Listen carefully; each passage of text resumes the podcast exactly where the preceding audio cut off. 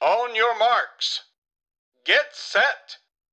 Välkommen till Maratonlabbet, en podcast om löpning med mig Johan Forsstedt och Erik Olofsson.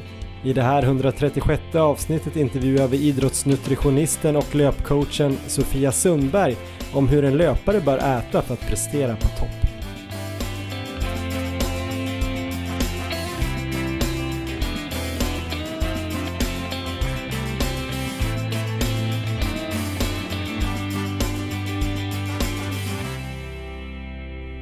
Ja men då ska ni alltså vara välkomna till avsnitt 136 av vår podcast Maratonlabbet. Eh, lite av ett semesteravsnitt där vi ska prata kost för löpare med idrottsnutritionisten och löparen Sofia Sundberg.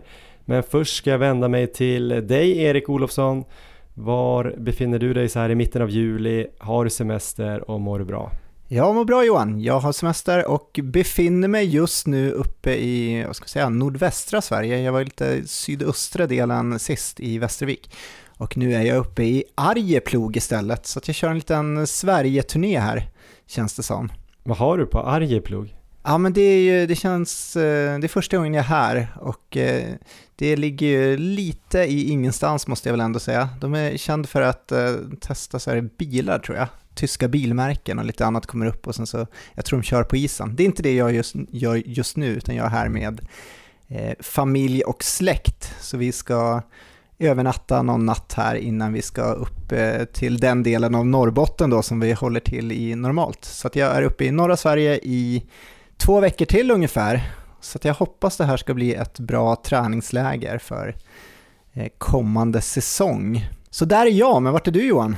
Jag är tillbaka i eh, Morgongåva i vårt torp. Eh, testar ett nytt rum här i torpet uppe på vinden, gästrummet uppe på vinden. Så får vi se vad det är för akustik där, men det är inte bara akustik jag är här och provar utan eh, vi ska semestra här lite grann. Vi var väl här en sväng, sen har vi varit i Stockholm och jag har varit på ett bröllop här i helgen. Så nu blir det lite torpet och sen blir det väl lite Jämtland tänker jag.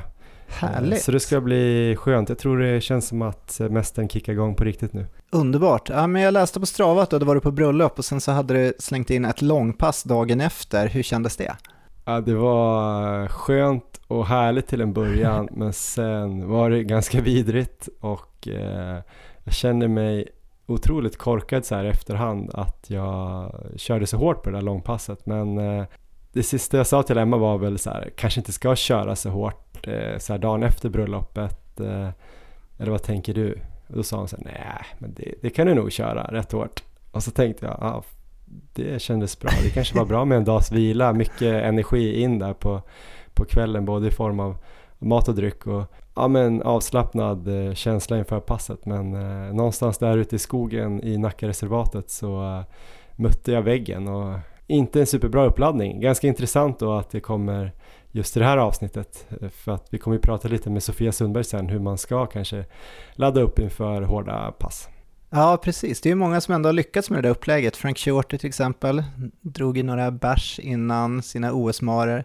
David Nilsson säger väl i alla fall att han dricker, kan dricka några öl innan, men det blir inte det i Valencia då. Nej, jag får nog titta på något annat upplägg tror jag inför eh, Valencia Marathon. Eh, kanske lite mer sömn framför allt och eh, kanske lite mer kontroll på vad jag stoppar i mig dagen innan. Men jag ska också säga att det gick ganska bra i början av det där passet men jag tog tvärslut när jag tog slut. Ja, vi ska inte bara gå igenom dina sämre pass här. Jag såg också när jag var inne på din strava att du har kört massa 700 i 3.13 fart tror jag. Och det såg ju väldigt bra ut. Hur var det passet? Det passet var bra. Jag hade sprungit något eh, pass tidigare där jag försökte hålla då 3.15 på 600-ringar. Jag håller ju på att bygga upp här då mot 5 gånger 1000 i ja, med cirka 3.15 fart som skulle då kanske vara någon typ av dröm 5K-fart just nu.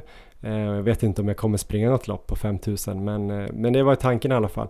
Så nu var jag uppe på då 7 x 700 hade sprungit 8 x 600 veckan innan som kändes helt okej okay i alla fall. Men 7 x 700 gick väl också ganska bra. Jag vet inte om jag tyckte det var jättekul men eh, eh, det var på eh, löparbana i Heby. Löparbana gör ju någonting extra när man springer så här korta, snabba intervaller. Sen hade jag ju två minuters i princip gåvila mellan så att Ganska generös vila men mycket mjölksyra. Kändes inte jättebra men eh, ja, jag hade väl inte så jättesvårt att hålla de där farterna till slut ändå. Men eh, det blev ett bra pass. Jag trodde inte att jag skulle få till det för jag har faktiskt varit lite sliten eh, i, i, kroppen på sistone. Både, både kroppen och lite mentalt. Så eh, jag var väldigt nöjd efteråt men eh, kanske tog det lite väl hårt. Just det. Har du kört någon eh, specifik träning inför Salomon 27K då som eh, kommer snart? Jag har ju kört eh, tre pass nu totalt ute i Nackareservatet där jag har kört lite eh, hårdare, ungefär samma distans som eh, uppe i fjällen där, Salomon 27K. Så alltså då följaktligen runt, eh, jag tror det har varit mellan 26 och 30 kilometer, tre pass.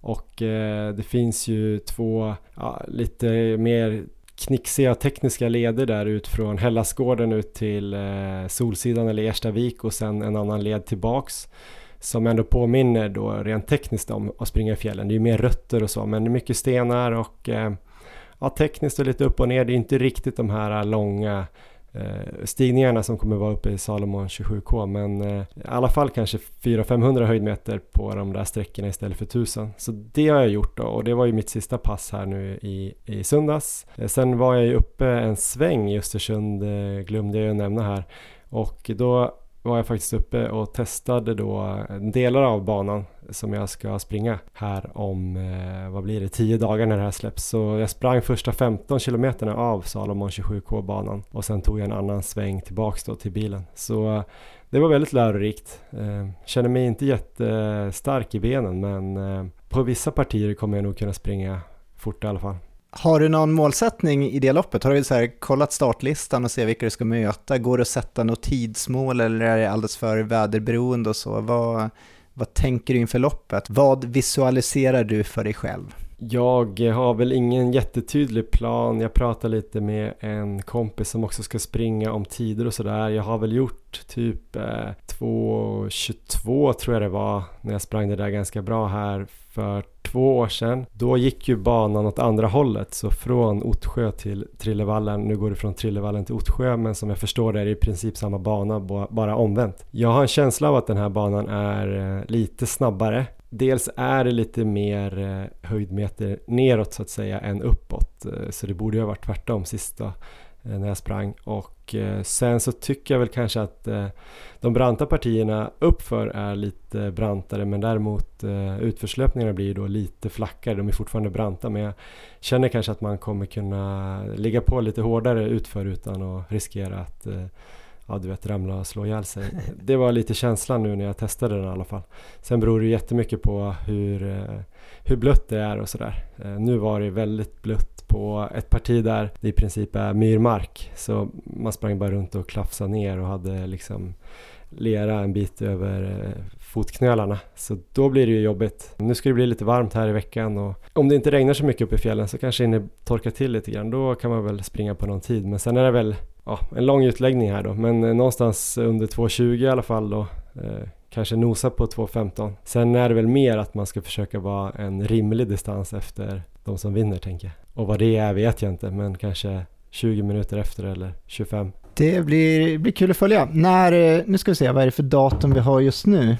19 juli är det idag när vi spelar in. Är det nu till helgen du ska springa eller är det helgen efter? Det är nästa helg, så jag vet inte exakt vad det blir för eh, datum. Är det kanske 30 juli då? Jag tror att det gäller att hitta formen bara. Jag har haft lite så här eh, halvsvacka, även om du tog upp bra pass här, eller i alla fall det här eh, 7x700 så har jag väl varit lite kanske sliten och att jag inte riktigt lyckats återhämta mig. Eh, känt mig lite så halvless och ja, men trött på flera pass och sådär. Men eh, det var ju bra med det här avsnittet idag tror jag. Vi kommer ju snacka mer om eh, kost och återhämtning och sådär. Jag tror att det kanske har att göra lite med att det har gått halva året. Jag har haft lite så här nyårskänsla här de sista, den sista tiden. Att jag har utvärderat väldigt mycket.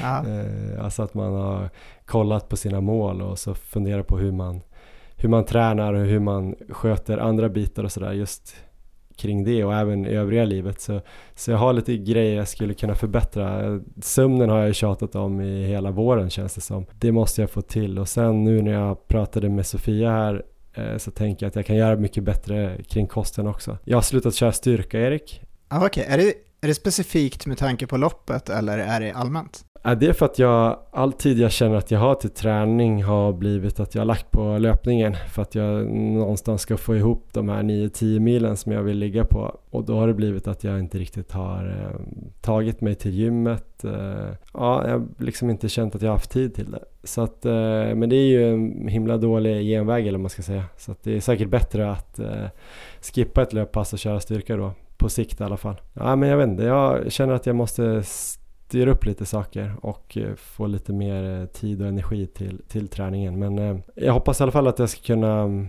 återhämta mig och hitta en formtopp till Salomon här, för det skulle vara kul att känna, känna sig pigg där i alla fall. Men hur tänker du själv då? Om vi säger nu att det är 12 dagar kvar ungefär till loppet, du kommer från en sån period. Du har ändå haft fem veckor där du har legat på den volymen, jag tror du siktar på i alla fall ungefär 9-10 mil där.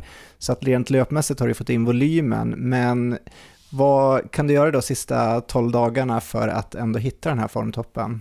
Är det det du pratar om med kost och återhämtning här eller någonting annat? Kommer du dra ner mycket på träning till exempel? Jag kommer kanske springa lite, lite mindre den här veckan, alltså veckan innan loppveckan då. Men inte sådär jättemycket mindre, men kanske att det blir runt 80, 75-80 kilometer. Kanske hade vågat lägga kvar på runt 90 om jag inte hade känt så här. Eh, men nu kommer jag dra ner lite och sen så ska jag väl försöka få till lite bättre sömn och kost. Då de tre bitarna ihop tror jag kommer göra att jag kommer känna mig ganska mycket piggare. Så det ska vara kul att gå in i nästa vecka och känna mig fräsch och sen kommer jag ändå ja, men göra någon typ av formtoppning, alltså sista veckan dra ner ganska mycket på, på träning för att vara fräsch för det här loppet. Eh, jag tycker ändå det känns så pass kul att eh, att springa det loppet eh, så bra jag kan. Så att, eh, det är väl det jag funderar på. Så där eh, nästa vecka blir det väl kanske bara ett hårdare pass någon gång i början av veckan, kanske tisdag och sen eh, lite lugnare distanspass och sådär. Jag hoppas att jag hinner vända på skutan lite grann. Ja, men jag tror det kommer gå bra. Det låter som ett bra upplägg. Det ska bli spännande att följa. Det var ju bra rapporter, kommer jag ihåg, eller hyfsade rapporter i alla fall med eh, uppdateringar tidsmässigt och så. Så att jag ska sitta bänkad när du springer där uppe i fjällen. Ja, själv då Erik, det blir ingen fjällresa för dig, ingen fjällöppning? Nej, absolut inte. Ehm, I alla fall ingen tävling. Jag skulle kunna tänka mig kanske ge mig upp och köra något lugnare pass där. Men eh, annars så, eh, jag är väl lite förhoppningsfull nu för första gången på länge. Det har ju varit Mm. lite deppigt här på slutet vet jag i några poddavsnitt. Senast vi spelade in så hade jag precis varit ute och sprungit fyra kilometer tror jag. Det var när jag var i Västervik och hade just gjort ett löptest då. Det var första passet på eh, fyra veckor där jag kände att det här var ändå liksom rimlig känning vad jag klarar av att springa med. Så sen har jag trappat upp löpningen lite grann. Första veckan väldigt långsamt, en och en halv kilometer per dag la jag till och det var bara lugna distanspass. Så att eh, den veckan fick jag ihop fem mil totalt och det var jag ändå extremt nöjd med. Känningen var väl ungefär att jag, jag hade som gräns då om man tänker en smärtskala mellan 1 och 10 eller kanske en skala med eh, mer eh, känning, ungefär hur det kändes i hälsenan då. Så jag gav mig själv att jag kunde ligga mellan 1 och 3 men var jag uppe på 4 så skulle jag verkligen bryta på en gång. Och ofta började passen kanske någonstans vid tre, lite så här stelt och eh, obehagligt, men det vart aldrig sämre under något av passen utan snarare bättre. Så det var flera pass där jag inte kände någonting alls på slutet, även om jag hade känt mig stel och sådär i början. Så att eh, positivt på det sättet, men det var ju ändå en del pass där jag kanske låg på 2-3 hela vägen och då kände jag ändå att det är inte så här jag vill springa runt. Så att, eh, humöret varierade mycket. Det var, ibland var jag väldigt hoppfull och sen ibland var jag helt nere och kände att det här går ju inte. Och sen framförallt den här känslan av att eh, innan har jag haft den här förhoppningen om att det kommer försvinna. Eh, det finns där men eh, snart kan det gå bort helt. Men jag började mer och mer inse att det här kanske ändå kommer hänga med mig en lång tid framåt nu. Men eh, senaste veckan så låg jag på kanske 10-15 kilometer många distanspass och eh, fortfarande då på den här skalan kanske 1-2 i känning ungefär i hälsenan. Men sen testade jag ett långpass i lördags, så då var jag faktiskt ute och sprang 35 kilometer och eh, kände av hälsenan i början, men sen släppte det så att eh, jag kunde springa alltså ett långpass på 35 kilometer där jag ändå avslutade och kände nästan ingenting i hälsenan, så det var ett otroligt positivt besked för mig. För det är de passen jag ändå vill få in nu och det är de jag tror kommer bli riktigt viktiga inför Verona då som är 8-9 veckor bort nu.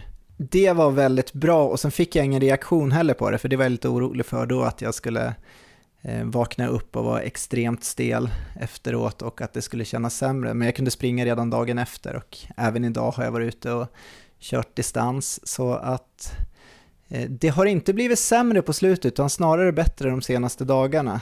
Eh, inte helt bra, det ska jag säga, men eh, just nu när vi spelar in så känner jag mig ändå förhoppningsfull. Jag fick in 10 mil förra veckan och hoppas kunna trappa upp ännu mer den här veckan. Får vi se vad det landar på, men kanske få in två långpass eller någonting tänker jag. Och en, en hel del styrketräning vid sidan, men jag kommer inte springa någon kvalitet utan jag fokuserar bara på att liksom få upp volymen nu i lugnare farter.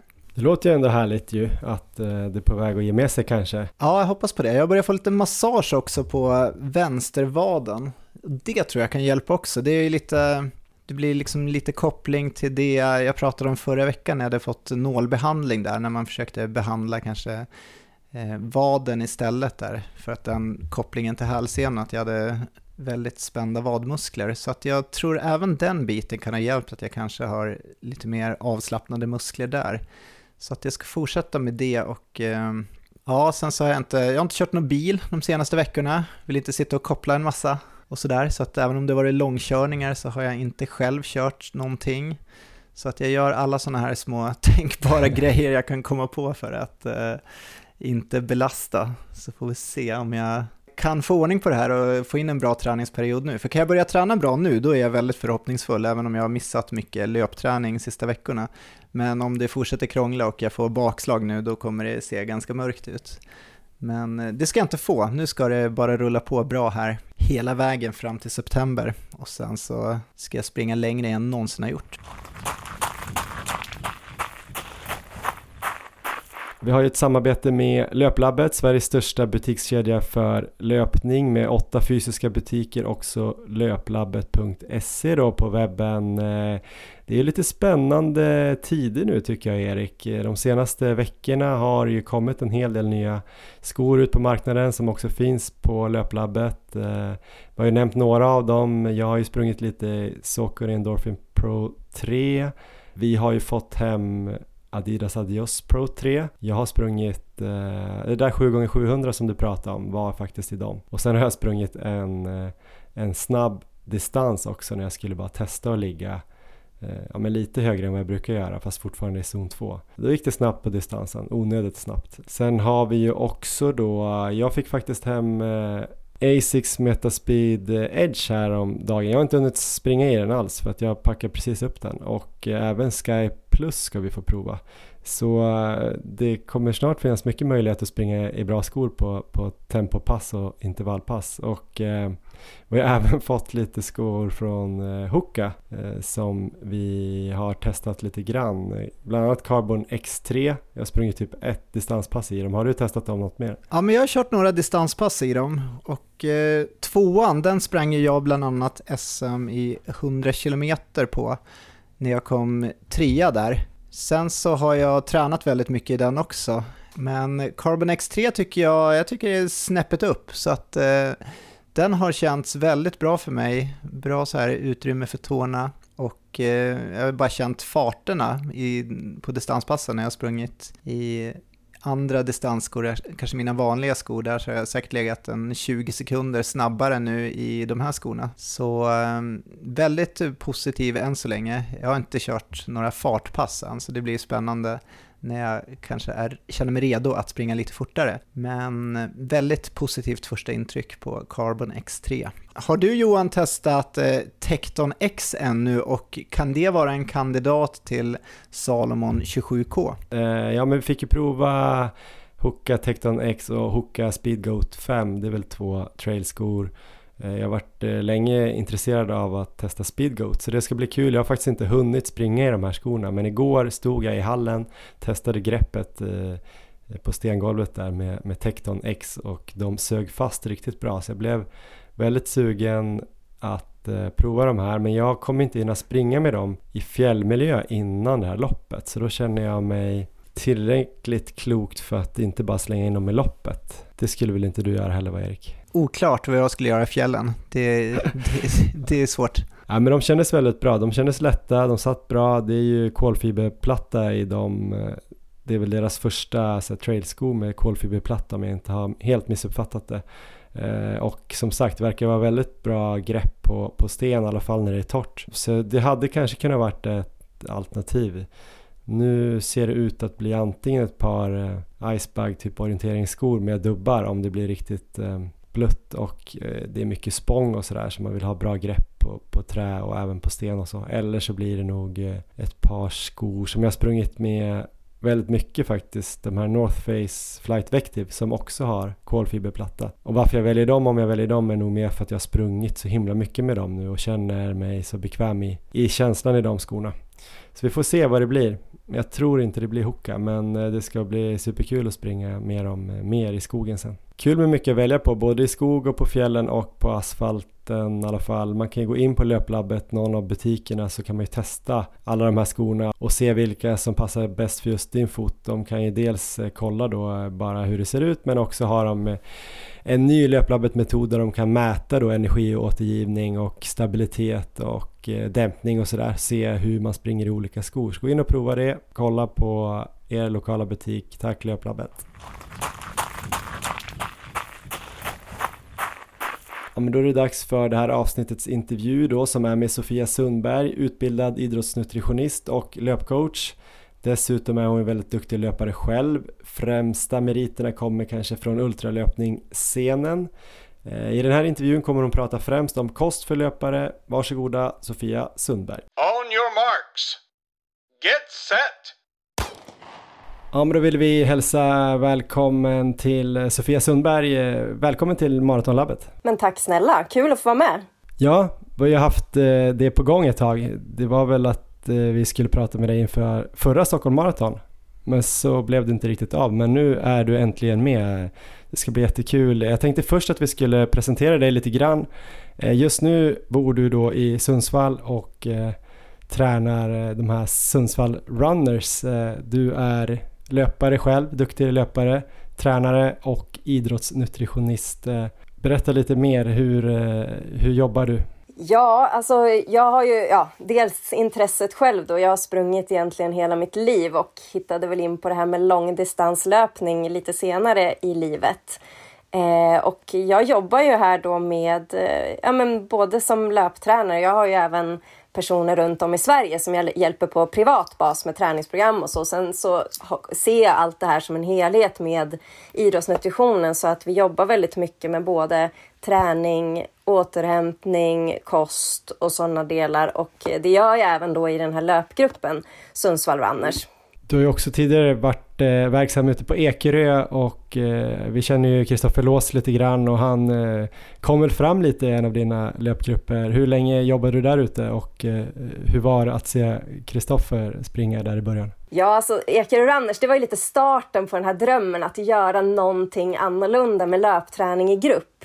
Eh, så att det var ju ett test där att dels samarbetet jag hade med eh, Activitus så att vi kunde jobba på pulszoner i grupp och få individuell träning och sen då med, med kost och, och hela den biten med föreläsningar. Men Kristoffer kom ju där eh, efter en fotbollsträning tror jag det var och hade bara hört av någon han kände på ön att, att vi hade en löpgrupp så han kom och provtränade och eh, ja, jag tror att han varvade alla där på löp banan.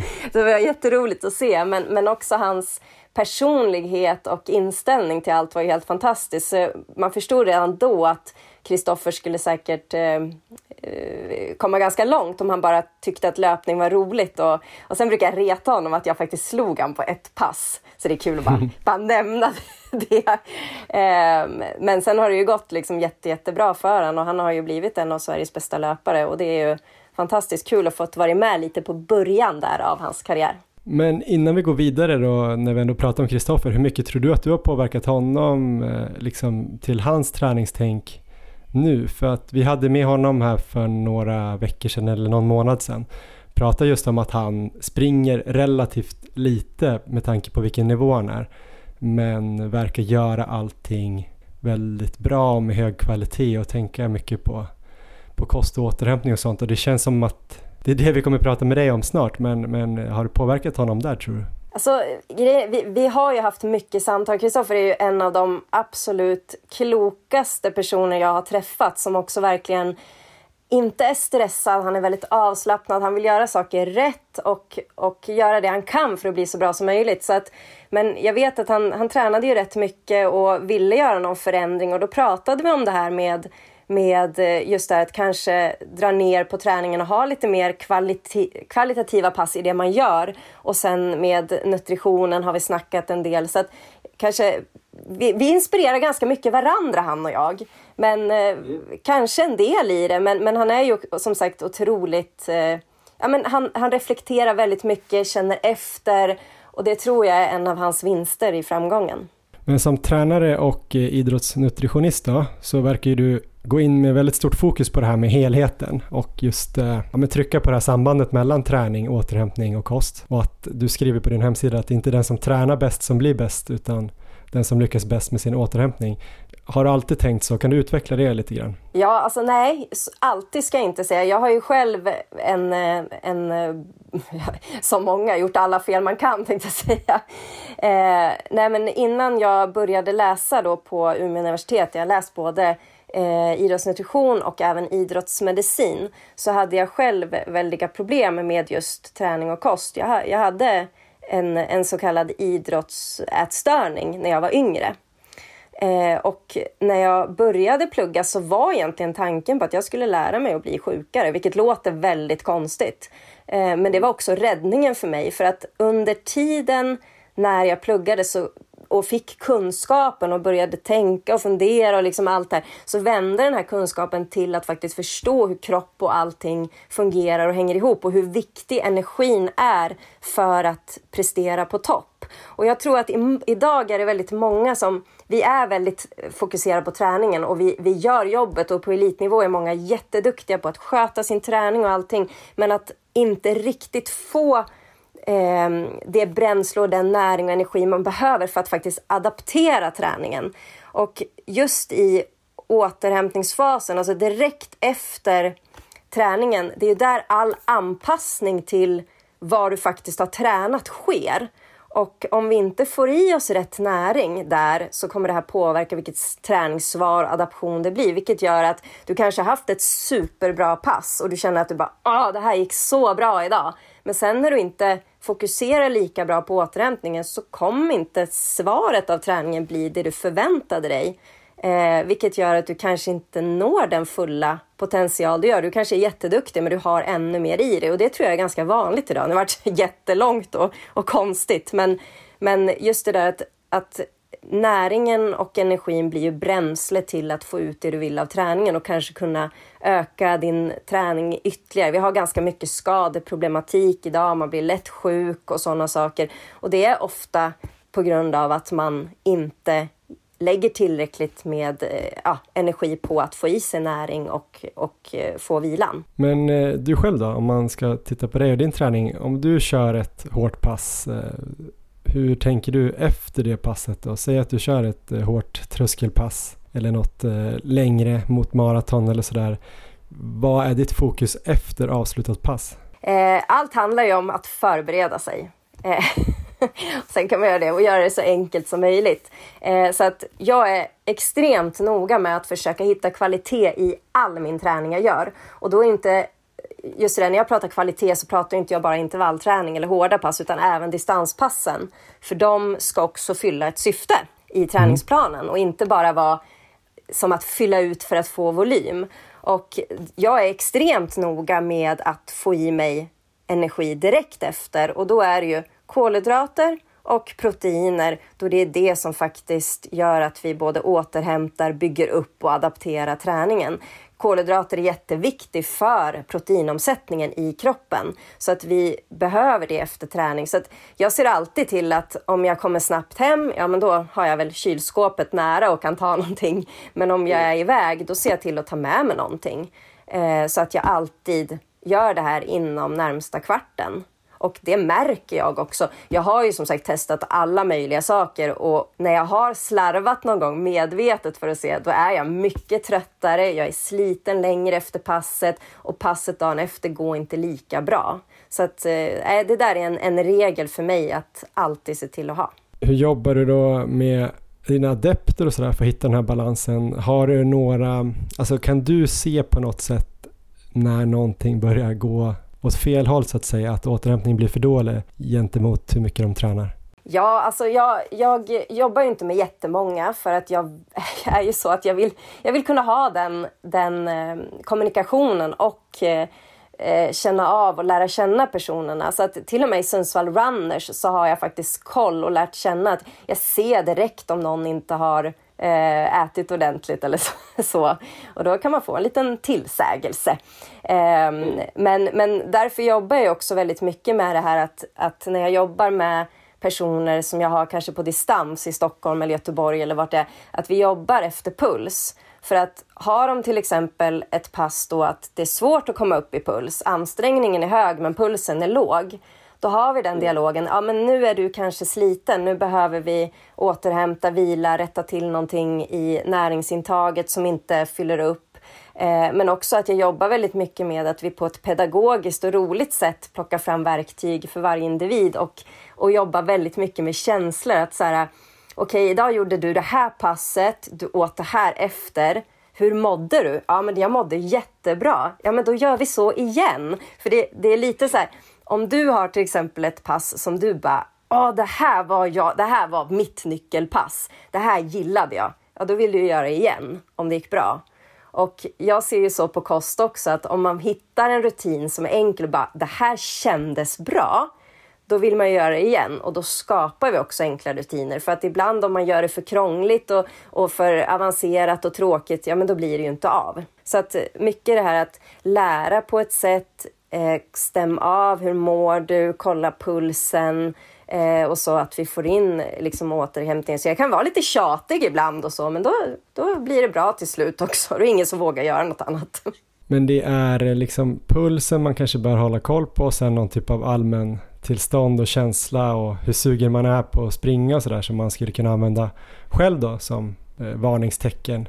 Precis, det är ganska bra just det här med att ha lite koll på pulsen för att är man sliten, det har du säkert sett själv någon gång också, att eh, då har man ju svårt att komma upp i puls. Och det är ju ett tecken på att kroppen är sliten. Eh, men också just precis som du säger, allmäntillståndet. Hur mår jag? Känner mig lite, ah, lite småsliten i kroppen, börjar sova lite dåligt att man eh, kanske lättare till att bli förkyld eller sådana saker, men då, då ligger det lite fel i energiintaget. Och om du får i dig energi direkt efter, man kan ju testa någon gång själv att ja, men om jag kör ett tuffare pass och så äter jag ett återhämtningsmål direkt efter, kolhydrater och proteiner, hur mår jag? Och så gör man det inte en gång så kommer man märka ganska stor skillnad. Hur eh, har du jobbat för att hitta din, liksom, vad ska man säga då, sweet spot i, i mängden träning som du kan utföra? Hur gör man det liksom? För man vill ju inte egentligen, om man har jobb och kanske barn och ja, men mycket i livet, och, men man gillar att träna, men man vill kanske ändå inte träna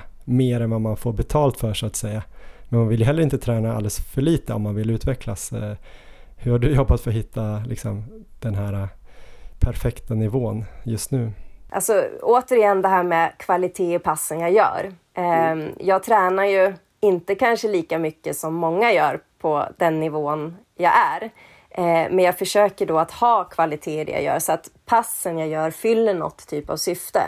Men sen om man är väldigt noga med då som just det här med energi, att man har rätt energi före det man ska göra och energi efter, då får man ju som, som jag nämnde det här träningssvaret, vilket betyder att du får ut mer av din träning. Så att om man till exempel tränar väldigt, väldigt mycket och sliter på kroppen och inte får i sig energi, men då kommer ju förmodligen du bli ännu bättre om du kanske tränar lite mindre och får i dig tillräckligt och är lite noga med det här efter.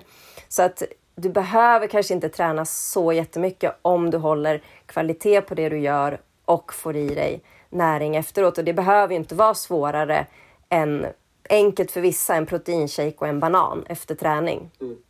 Men jag tänkte du var inne där lite grann på, jag vet inte om man ska kalla det, men planering av alla pass eller medveten träning eller vad man ska säga, att alla dina pass då i veckan kanske har något typ av syfte oavsett om de passen ska vara väldigt lugna eller väldigt hårda. Men hur tänker du en vecka skulle du säga? Skulle du inte kunna ge något exempel på för jag känner att eh, många där ute, även jag ibland, slänger kanske in något pass bara för att man ska samla på de här kilometerna som man ska komma upp i en veckovolym som man har tänkt. Eh, att det kan bli lite grann att man bara gör det för att göra det. Men hur kan man tänka där så att det blir mer holistiskt? Eh, jag själv jobbar ju liksom med väldigt så periodiserad träning. Eh, så att just nu är jag inne i en, en tröskelperiod. Och då tränar inte jag ett enda pass där jag kliver över min anaeroba tröskel. Och det betyder ju också att jag kan ha lite mer volym i träningen för att det är ju när vi börjar kliva över tröskeln som både, alltså slitaget både på energisystem, kroppen och allting blir mycket högre och då kommer det också krävas mer återhämtningstid. Så att vill man få ut mycket av träningen eh, så, så tycker jag det här med att periodisera och fokusera på en sak i taget och bygga upp det som till exempel under grundträningen har man mycket volym, man, kli, man kör en del trösklar eh, och distanspass. Då kan man jobba ganska mycket för man har en snabbare återhämtning. Men när man börjar jobba med hårda intervaller, då, kanske, då måste man ju dra ner volymen för att återhämtningstiden blir längre, för energisystemen eh, snurrar ju snabbare Eh, och över, över längre tid efter passet och då blir ju liksom både energiintag och allting mycket viktigare. Så att jag, jag tror liksom att, att man jobbar rätt periodiserat och inte blandar så mycket eh, om man vill få ut mycket av träningen och inte bli skadad och så. Så att för min del nu så är det ju eh, ja, men, tröskelpass. Det är ju till exempel kan ju vara 6 gånger 10 minuter i tröskelzon. Eh, och då kan ju jag gå ut och springa ett långpass dagen efter för att om jag inte kliver över den där tröskeln så har jag inte slitit så mycket på kroppen. Men skulle jag till exempel spurta sista två minuterna i den sista tröskelintervallen då har jag gjort ett helt annat träningssvar. Längre återhämtningstid, kräver mer energi och chansen är större att jag sliter på kroppen i onödan. Rena återhämtningslöppass, har du sådana också eller vilar du hellre då? Eh, jag är så här, vad är ett återhämtnings, en återhämtningsjogg? Eh, det ska också då fylla sitt syfte så att man inte är, i alla fall vad jag tänker, sen har vi olika och vi, vi funkar olika. Men om jag är för sliten, då vilar hellre jag och har ett eh, mer kvalitativt löppass. Så att jag, jag själv brukar inte ha så mycket såna här eh, lugna, korta joggar, utan jag, jag funkar bättre på att köra längre hårdare tröskelpass och någon extra dag vila. Jag tänkte vi skulle fokusera lite på kosten nu ett tag. Eh, på din hemsida skriver du att eh, många elitidrottare och eh, ja, då säkerligen också många motionärer missar då en stor del av potentiell utveckling på grund av ej optimal kosthållning. Jag har skrivit om det lite i mitt huvud här, men var kan de flesta bli bättre skulle du säga av oss som tränar på en halvhård hög nivå? Jo, men, men det är, är just det här att, att man ser till att ligga i energibalans. Eh, för att idag, det jag märker och upplever när jag jobbar med folk, och jag jobbar ju inte bara med löpare utan jag jobbar väldigt mycket med, med ungdomar inom andra idrotter, alpint, längdåkning, eh, simning har jag jobbat med. Så att ja, löpning, det är ju bara där jag kan träna folk. Men just kost blir väldigt intressant och det är så här, idag är det väldigt svårt att få i sig tillräckligt motsvarande vad man gör. Vi har ju ganska mycket eh, som sagt problem med skador, att man lätt blir sjuk eh, och det här att det finns mycket med sociala medier där det kommer råd och så kanske det passar någon men inte mig, men jag tar efter. Så att det blir ganska stor förvirring. Eh, och att det är lätt då att, att man inte förstår hur mycket man behöver när man tränar. Och inom elitidrott till exempel så har man ju kanske ofta två pass om dagen. Vissa jobbar ju två hårda pass om dagen. Det krävs ganska mycket energi däremellan för att ja, men klara nästa pass på den nivå man vill. Och jag tror bara att många lägger så mycket tid som sagt på träningen men inte förstår vikten av kosten och hur mycket vi behöver. Man pratar ju idag om det här också med relativ energibrist och att många tjejer till exempel får utebliven mens och man ser inte prestationsutveckling. Precis som att människor eh, som kanske vill gå ner i vikt men det händer ingenting. Eh, och då är det ofta att det är för lite i förhållande till man gör. Eh, för att det händer så mycket i kroppen. Men finns det något sånt tecken som kommer tidigt som man vet att man inte äter för lite? Är det samma saker som det här när man känner att man inte riktigt är återhämtad inför träningspassen? Lätt överträningssymptom, det är ju som sagt när du tränar för hårt och får i dig för lite energi och för lite vila. Det är ju ofta det här att man känner sig lite mer sliten, man kan börja sova lite sämre. Till exempel att man har som mål då att man vill gå ner i vikt men det händer ingenting på vågen. Då har man ju börjat strama åt sin egen fettförbränning för att kroppen får för lite energi. Och då är det ju lätt att personer äter ännu mindre och så händer det ändå ingenting. Eh, men också just det här att man blir lättare sjuk. Eh, man mår inte lika bra efter träningen, pulsen ligger inte att den ska. Så att jag tror att man måste lyssna mer på kroppen och den, de signalerna idag. För att just det där att är man lite övertränad eller ligger på lite det här att man har för lite energi så är det bara små saker som, som kroppen signalerar om. Eh, det är ju först när det har gått ganska långt som menstruationen försvinner och kanske den där stressfrakturen kommer. Men vi lyssnar inte alltid på de här små sakerna utan tänker att ja, men det är för att jag tränar mycket, jag är sliten och sådana saker. Men du ska inte vara så himla sliten eller ha lätt att bli sjuk eller lätt till skador. Då är det någonting. Och, och jag, ibland kan jag uppleva att många pratar att eh, när de inte gör någon prestationsutveckling, det händer ingenting, att det är träningen de måste justera i. Ja, men det kanske ligger fel i träningsprogrammet om vi gör så här eller så här. Men att det ofta är faktiskt eh, kosten som inte fyller det du vill göra. Men om man på ett enkelt sätt skulle testa det då eller typ få i sig lite mer energi under veckan eller under dagarna. Finns det något enkelt sätt att bara, det var en korkad fråga, det kanske bara äta mer eller dricka mer eh, kolhydratrika drycker, men, men finns det något enkelt tips för att man skulle kunna testa det där själv om man inte eh, vill ta hjälp av någon eller räkna på eh, kilokalorier in och ut sådär? Eh, just det här med att räkna, det är jag väldigt, väldigt anti emot faktiskt. Ja. Eh, och jag gillar inte sådana appar. Nu får folk tycka vad de vill om mig. Eh, men grejen är så att när vi börjar räkna eller fokusera för mycket, då kommer det också bli en viss typ av stress. Vi får lätt en ökad ökning av stresshormoner i hjärnan när vi håller på att fokusera för mycket och det i sig är ju både fettinlagrande och påverkar oss negativt. Eh, och sen är ju inte vi robotar. Du gör inte exakt samma sak varje dag. Då blir ju inte näringsintaget samma sak heller. Eh, utan jag, jag, tycker bara att man ska se till att när man ska gå ut och träna eh, ett tuffare pass till exempel, så ska man ha ätit ett mellanmål eller att det är måltiden innan som innehåller energi och då kolhydrater, för det är ändå kolhydrater som gör att vi kommer kunna hålla en hög puls och ligga på den där ansträngningen. För det vi gör är att vi värderar ansträngningen högre än vad den faktiskt är om vi inte har kolhydrater. Så vi tror att vi tränar hårt, men vi gör inte det. Och sen att man som regel tar någonting efter träningen även om det är något litet och sen en måltid. Och bara testa så här och se hur man mår. Men jag, det är det här också, jag tycker att om man nu tränar väldigt, väldigt mycket, man ligger på en hög träningsvolym och man har svårt att få i sig energi, då kan det vara bra att ha en vecka eller en period där man kallar då det här lite återhämtningsvecka. Man drar ner på träningen, men man äter inte mindre bara för det. För det, för det är många som säger, ja men nu tränar jag mindre, då äter jag mindre. Eh, men det är då kanske du ska passa på att äta lika mycket för då har du ju faktiskt fyllt på för nästa period du ska göra. Och eh, så jobbar jag med mina, till exempel inom längdskidor som ligger på en väldigt hög träningsbelastning, att vi äter lika mycket under återhämtningsveckan. Och då ser vi också resultat på, på den hårda veckan. Men sen också kanske äta livsmedel som innehåller lite mer energi per volym. Lite mer nötter i kosten, torkad frukt, sådana saker som ger lite mer kalorier utan att det eh, mättar så mycket. För till exempel nu under sommaren så vet jag, det är säkert jag är så, många är så, man går ut och springer ett hårt pass i värme. Mm. Det är inte så att man är sugen på en pastatallrik efteråt. Utan man, man kanske inte ens är hungrig eller får i sig någonting.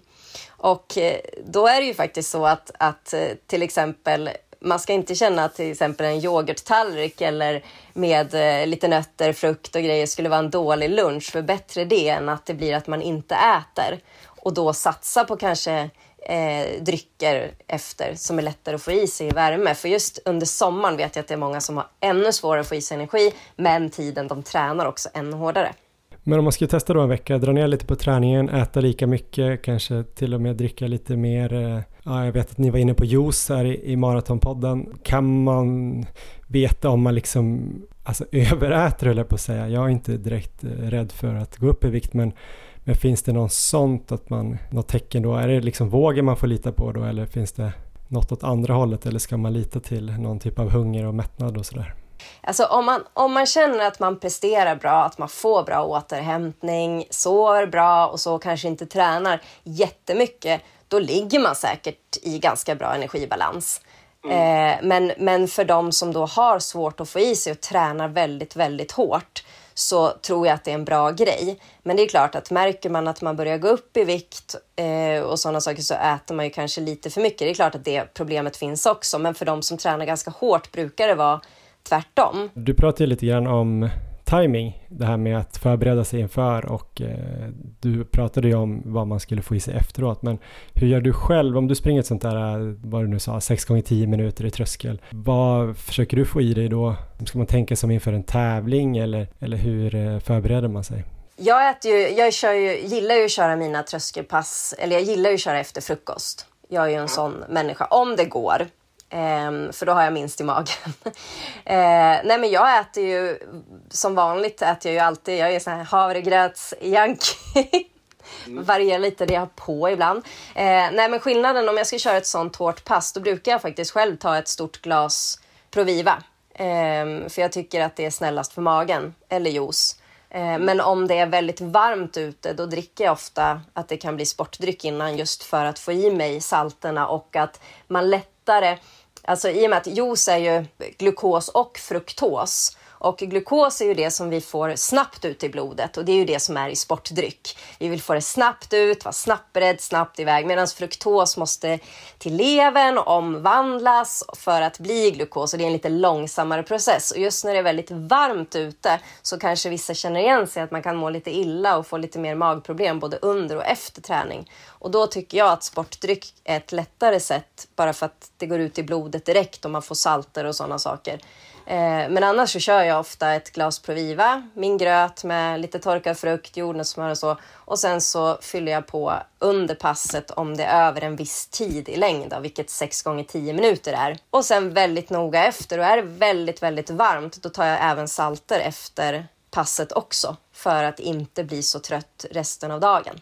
Tänker du även liksom vad du äter till middag dagen innan ett sånt där hårt pass? jag, jag försöker att ha ganska avslappnad relation i min mat så att jag inte lägger för stort fokus. Jag ser, jag ser till att äta bra. Alltså för mig, yeah. mig handlar ju mat om att få i mig kvalitet och eh, att jag äter näringsrik mat. Utan jag blir mer så här att innan tävling så har jag vissa typer och, och tänk och sådär. Men inför ett träningspass så äter jag bara vanlig, eh, ja men bara att jag får i mig allt jag behöver. Just det. Men om man känner då kanske, jag kom på en fråga här, om man kanske har familj som jag då, eller en sambo som vill äta något annat eller hon kanske lagar maten och jag ska ha ett jätteviktigt pass morgonen efter och så blir det typ eh, en caesarsallad brukar jag alltid ta, ta som exempel för det känns inte som att det är så kolhydratrikt. Kan jag på ett enkelt sätt utan att förstöra stämningen bara fylla på själv med kolhydrater? Är det då att dricka juice till eller äta gröt på kvällen och sådär. Så att man inte ställer sig och lagar en pasta till... Nej, nej, nej. och sen är det så här också att har man barn så är det ju väldigt viktigt att inte göra annat. För det kan ju påverka dem. Varför äter mamma eller pappa inte det vi äter? Eh, men där en sån gång så kan man ju faktiskt dricka ett glas juice till maten om man vet att man har ett hårt pass. Och vill man inte att barnen lär sig att dricka juice till maten, då kan man ta en vattenflaska och säga att det är vatten. Smart. Den är bra. För det är inte alltid man vill att de dricker juice och lär sig sånt till maten. Eh, nej men sen kan man se till att få i sig lite eh, kolhydrater i ett kvällsmål om man då inte har väldiga problem med sömnen. Men då är ju banan till exempel jättebra. Lite torkad frukt eller någonting eh, som kvällsfika. För banan är också rätt bra för för sömnen. Det innehåller ju magnesium och kalium och sådana saker. Och sen då att man bara fyller på eh, i frukosten eller målet innan. Men, men det är en ganska bra om man känner att det blir lite för lite kanske till, till middagen. Då skulle jag säga det. Och om du har barn då, vattenflaska som är fint märkt av färg och grejer så det inte syns. Du var inne lite på eh, kolhydratladdning, eller du nämnde det inför lopp och så här. Och jag vet att du har stenkoll på det här. Jag har också fått det bekräftat av Kristoffer. Men vi har ju snackat om eh, jättemycket vad man ska få i sig under tävling och sådär och vi har pratat om dagarna innan lopp i vår podd och så men vi har alltid varit lite så här eh, oroliga för det här med att trycka i oss eh, vad är det, 10-12 gram per kilo kroppsvikt kolhydrater dagen innan och sånt där för att vi är rädda att vi ska få dåliga magar och sånt där. Men vad tycker du kring det här med kolhydratladdning och hur ska man få i sig, hur mycket skillnad gör det och sådär? Det är lite så här att du behöver kolhydrater, ja. Eh, men det är också det här vilken typ. För jag gillar ju det här att man jobbar med mycket kolhydrater på så lite volym som möjligt. Mm. Eh, för att om man börjar trycka stora mängder pasta, bröd och så kanske man inte gör det till vardags. Då är det klart att du kommer ju, för det binder ju väldigt mycket vätska. Eh, och sen är det inte så mycket kolhydrater som man faktiskt tror. Så du får äta så stora mängder. Jag tycker Gunde Svan är ju så himla härligt exempel på det här när han liksom var bästa med att sluta vara elit. Det var att jag inte behövde äta så mycket. men, mm. nej, men just det där att, att eh, man kanske fokuserar ibland på lite fel typ av kolhydrater. Eh, och därför blir man också rädd för det. För att jag brukar dra jämförelsen att en portion havregrynsgröt är ungefär 20 gram kolhydrater. Och mm. om jag då som väger eh, runt 50 kilo, jag vet inte, det var länge sedan jag vägde mig, plus någonting kanske, eh, behöver då om jag ska ha 12 gram så skulle jag behöva 150 gram i en frukost. Det. Och det blir väldigt mycket havregrynsgröt. Det skulle jag inte ens orka. Alltså jag skulle ju känna mig som en liten, liten boll när jag springer iväg. Mm. Eh, och då blir det att jag kanske äter... jag gjorde ju ett, ett, eget test här där jag åt, åt eh, en vanlig frukost typ som jag brukar se när jag jobbar med folk och så skulle jag springa. Det var faktiskt Fredrik Selén som kom på den. Spring 50 kilometer i 4.10 tempo. Ja, det är kul.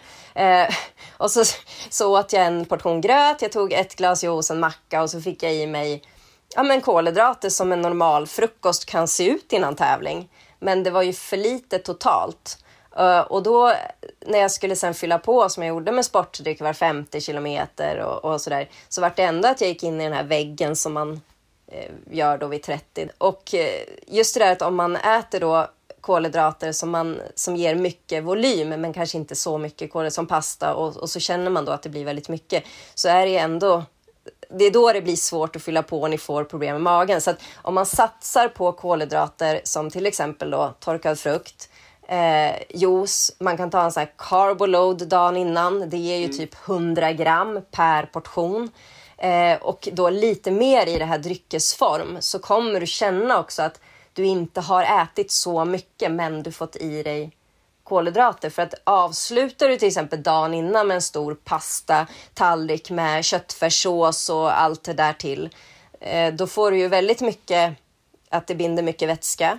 Det är ganska mm. mycket mättade fetter och det kommer också ligga kvar i magsäcken dagen efter och där har du ju och då är ju blodet där och jobbar som du vill ha ut i musklerna. Så att jag brukar tänka så här, ska du kolhydratladda på ett bra sätt, få i dig största delen första delen av dagen, dagen innan. Och jobba med det som ger mycket per, alltså per liter volym. Då. Dryckesform, kanske någon fruktyoghurt till och med. Det är så här, flapjack brukar jag tänka, för det är 50 gram per, per, eh, vad heter det, per bar. Det är som två portioner havregrynsgröt. Halleluja! Så får man äta lite sånt också dagen innan.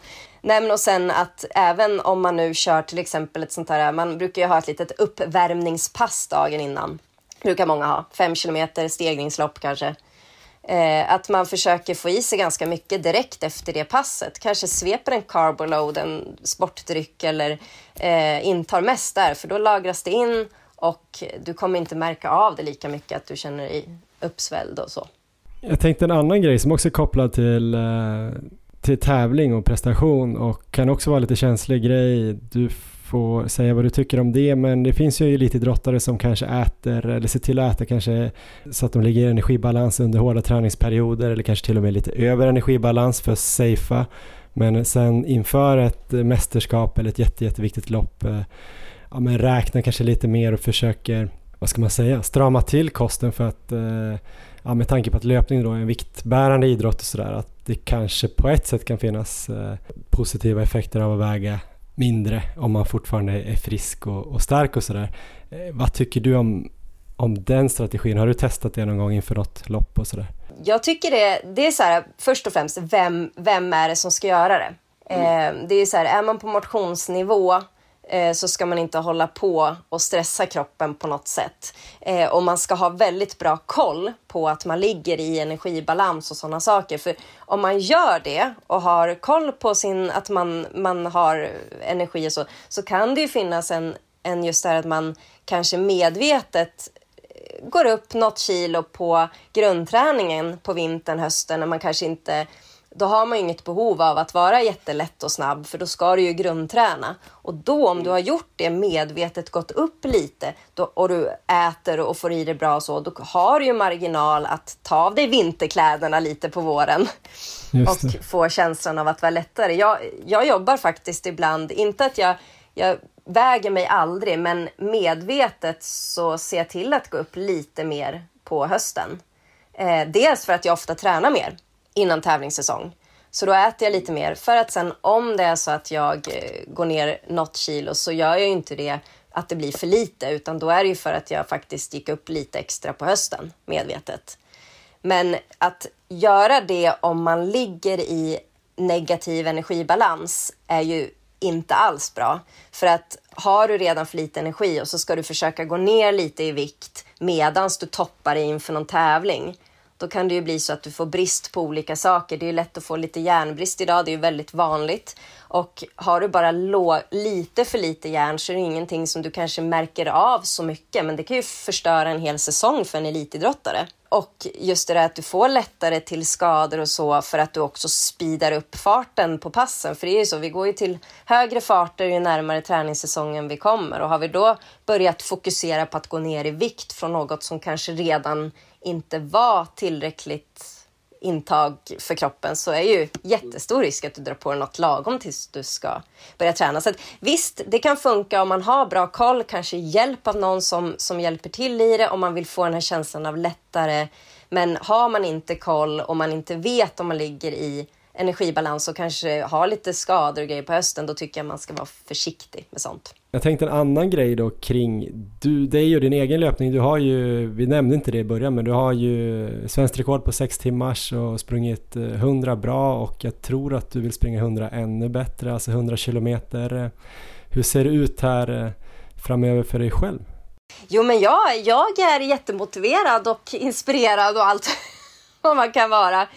Eh, nej men jag håller ju på med en liten långsiktig plan här där jag eh, tänkte först bli lite snabbare då. Så i fjol så tävlade jag ju bara på korta distanser för mig. Mm. Eh, och i år har jag ju klivit upp lite grann med en betydligt högre fart i kroppen. Så att det är ju mitt slutmål är ju att springa 100 kilometer igen och då känna att jag kan göra ett riktigt, riktigt bra lopp. Men jag är varken stressad dit jag eh, tar det när jag känner att jag, känner att jag är redo. Men, men det är roligt det jag håller på med. Jag tror inte jag har varit så motiverad som nu faktiskt.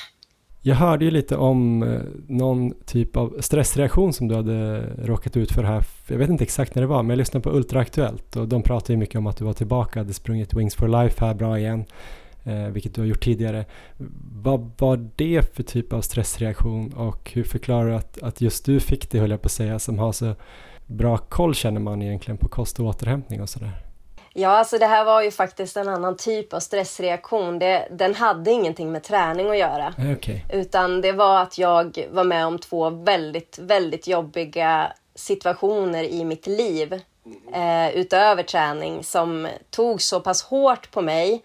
Min kropp la lite av eh, och jag fick väl uppleva vad stress kan göra för kroppen det vart för mycket i huvudet helt enkelt. Så jag hade faktiskt ingenting med träning att göra. Träning är ju det som ofta får en att må bra i sådana situationer, men det här blev för kraftigt att ta in för mig. Så att jag, jag fick en, en neurologisk reaktion som gjorde att jag... Eh, någonting med mina smärtsignaler som inte riktigt funkar. Så att jag fick sådana nervsmärtor att jag låg här sex veckor på golvet eh, i typ en tunn klänning för jag kunde inte ha någonting mot huden. För att Oj. det brände som värsta brännässlor man kan ha.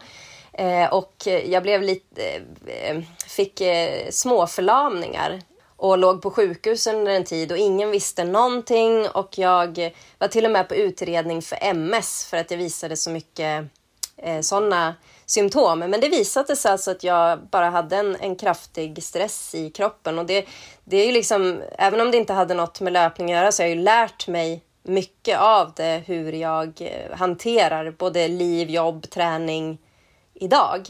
Men eh, där och då slutade jag med löpningen. Jag, jag minns där när jag låg på sjukhuset klockan tre på natten och bara nej men alltså det här, nu, nej.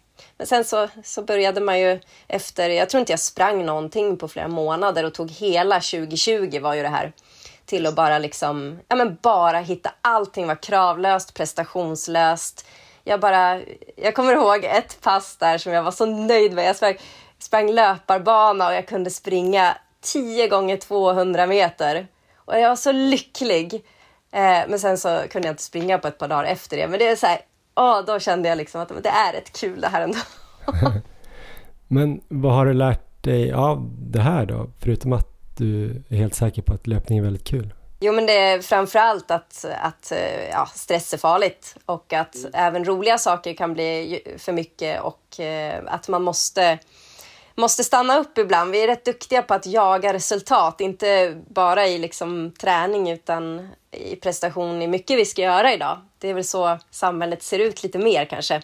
Så att eh, jag har försökt att ge mig själv ganska mycket mental återhämtning och det har ju gett liksom, stor del i träningen också. Att jag jobbar med andningsövningar, jag spenderar mycket tid med min hund eh, och bara stänger av ibland och liksom och därav också att, att träningen och återhämtningen blir väldigt viktig för mig att att hela tiden se till att ge mig själv den och att jag mår bra i träningen. För att träning ska ju ändå, även, det är klart alla pass är inte roliga och vi har jobbiga pass och allting, men jag ska känna ändå att, att jag får utveckling och att det finns en motivation i det för att, ja. Så det är väl det jag har hittat, att mer liksom avslappning, andning, mental återhämtning eh, och eh, ännu noggrannare med att jag liksom ger mig själv bra förutsättningar. Framöver då, vad väntar för dig i tävlingsform tänker jag? Ja, nu är det ju träningsläger i Dalarna här tre veckor. Nej, men Ultravasan är ju det som är mitt närmsta mål. Eh, och sen är jag lite sugen här på Lidingöloppet. Sen, eh, sen så har jag lite eh, liten plan nästa år, men den, den håller jag lite till mig och Jeff som hjälper mig med träningen just nu, så får vi se hur den artar sig. Men att den kommer bli min riktiga eh, säsong, det hoppas jag på och om det håller i sig så kommer det bli helt otroligt nästa år. Ja, det låter jättespännande. Då får vi väl eh, bjuda in dig igen då, dig och Jeff, så får ni prata om den här storslagna målsättningen. Ja, sen ska det göras bakom. också, men, men drömma och ha mål, det är alltid kul. Sen, för det är ändå resan dit som är roligast. Ja men det där kändes ju som en riktigt bra eh, semesterintervju va? Och ligga och lyssna på i någon hängmatta Erik. Många goda tankeställare om eh, kost och återhämtning. Eh, eller vad säger du? Supertrevlig intervju. Jag lyssnade på den här när jag var ute och sprang så att det fungerar alldeles utmärkt också.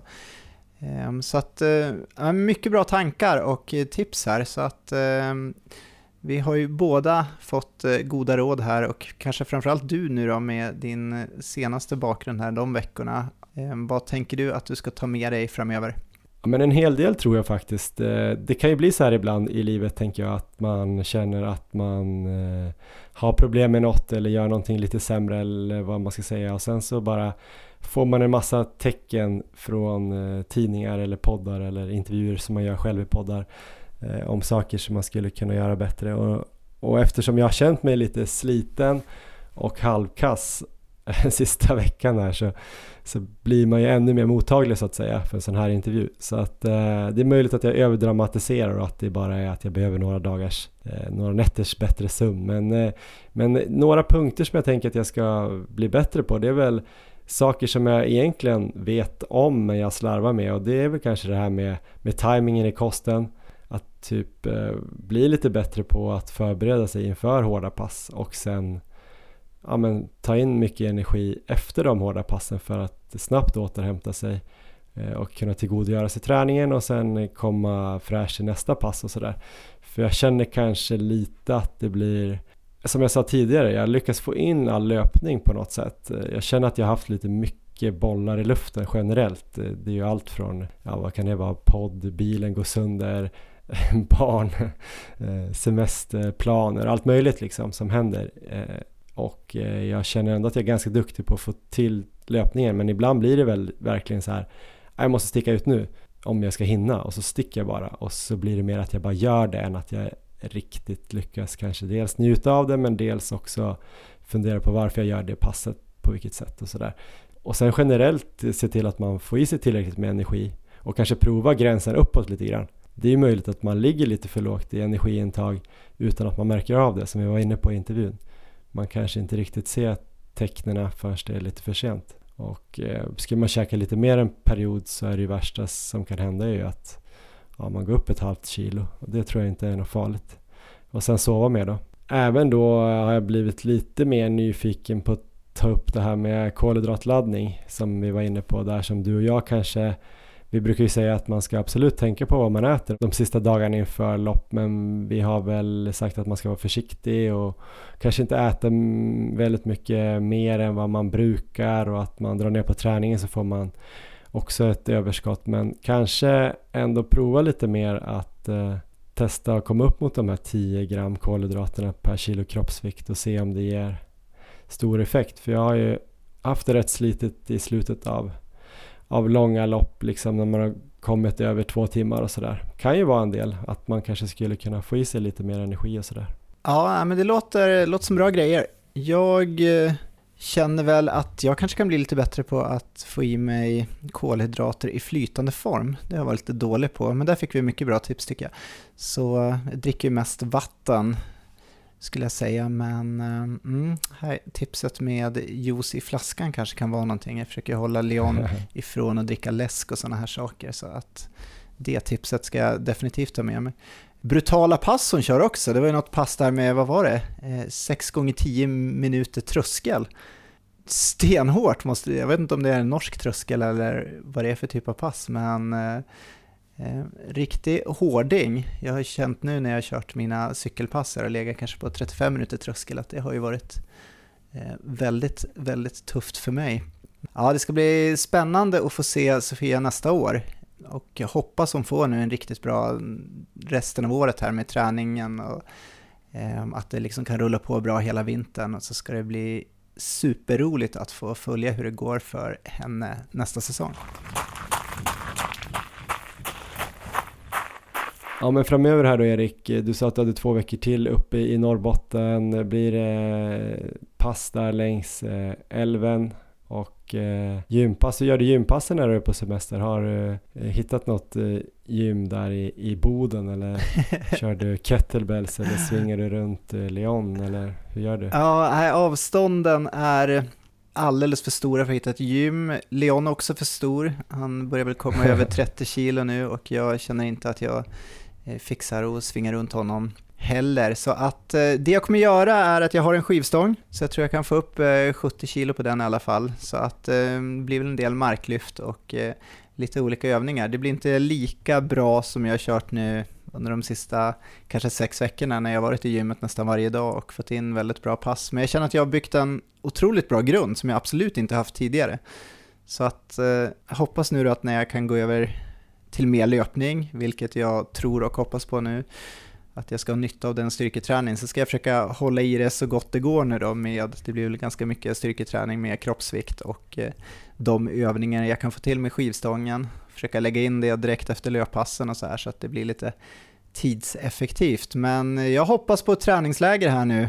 Ehm, så att jag kan också cykla här uppe så att det, det kommer bli en del långa cykelpass och det kommer bli mycket löpning, förhoppningsvis en två, tre långpass i veckan om hälsenan tillåter det. Sen så har vi också en bastu här bredvid älven så att jag tänker att det får bli kvällspass i bastun, alltså ingen träning men bara sitta och eh, ha det gott och få lite värmeträning här. För just nu så är det ju inget härligt semesterväder, perfekt löpväder är det men det kommer ju inte bli så mycket sol och värme framöver som det ser ut, så att, eh, den värmebiten får jag ta i bastun istället. Och eh, vi hörde lite om din uppladdning här inför Salomon 27K. Det är, eh, ja, trappa ner lite på träningen, är det det som gäller nu? Ja, jag vet inte. Framförallt hitta balansen i livet tror jag. Ja. Jag hittar det här att jag liksom inte är ett... Alltså när jag gör podden med dig och pratar löpning och tänker på löpning, då känner jag ju att jag vill göra löpning så himla bra som möjligt. Eh, sen kommer jag på då och då att jag är inte löpare på heltid, utan jag är mycket annat. Så eh, kanske lite svårare än du att typ så här, ah, jag kan inte köra bilen för att jag måste vila min hälsena.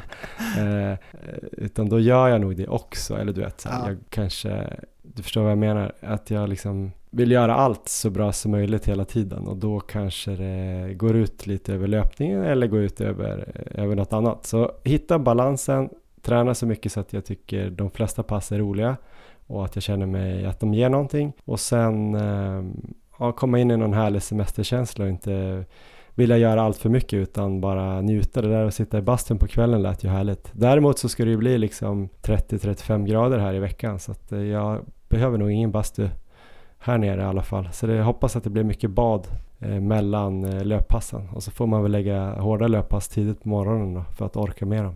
Ja men det låter härligt Johan. Då eh, kör vi lagom hårt här nu fram till nästa poddsläpp. Ja, och då får ni höra hur det gick i Salomon 27K. Hoppas jättebra. Eh, ni kan ju kolla också om ni vill veta direkt på eh, nästa lördag då kan ni kolla på vår Instagram där vi heter Maratonlabbet. Kan kolla på Strava också där vi heter Erik Olofsson och Johan Forstedt. Eh, nästa avsnitt eh, kommer eh, med största sannolikhet bli ett frågeavsnitt. Så ni kan ju också börja skicka in frågor till oss. Vad vill ni att vi ska snacka om nästa vecka eller om två veckor? Ehm, skicka in på Maratonlabbet antingen som ett DM eller som någon kommentar där. Vi kommer säkert lägga upp något inlägg där vi efterfrågar frågor. Ja, du får ha det så bra Erik. Eh, ta hand om familjen och träna bra. Det ska jag göra. Tack Johan, detsamma.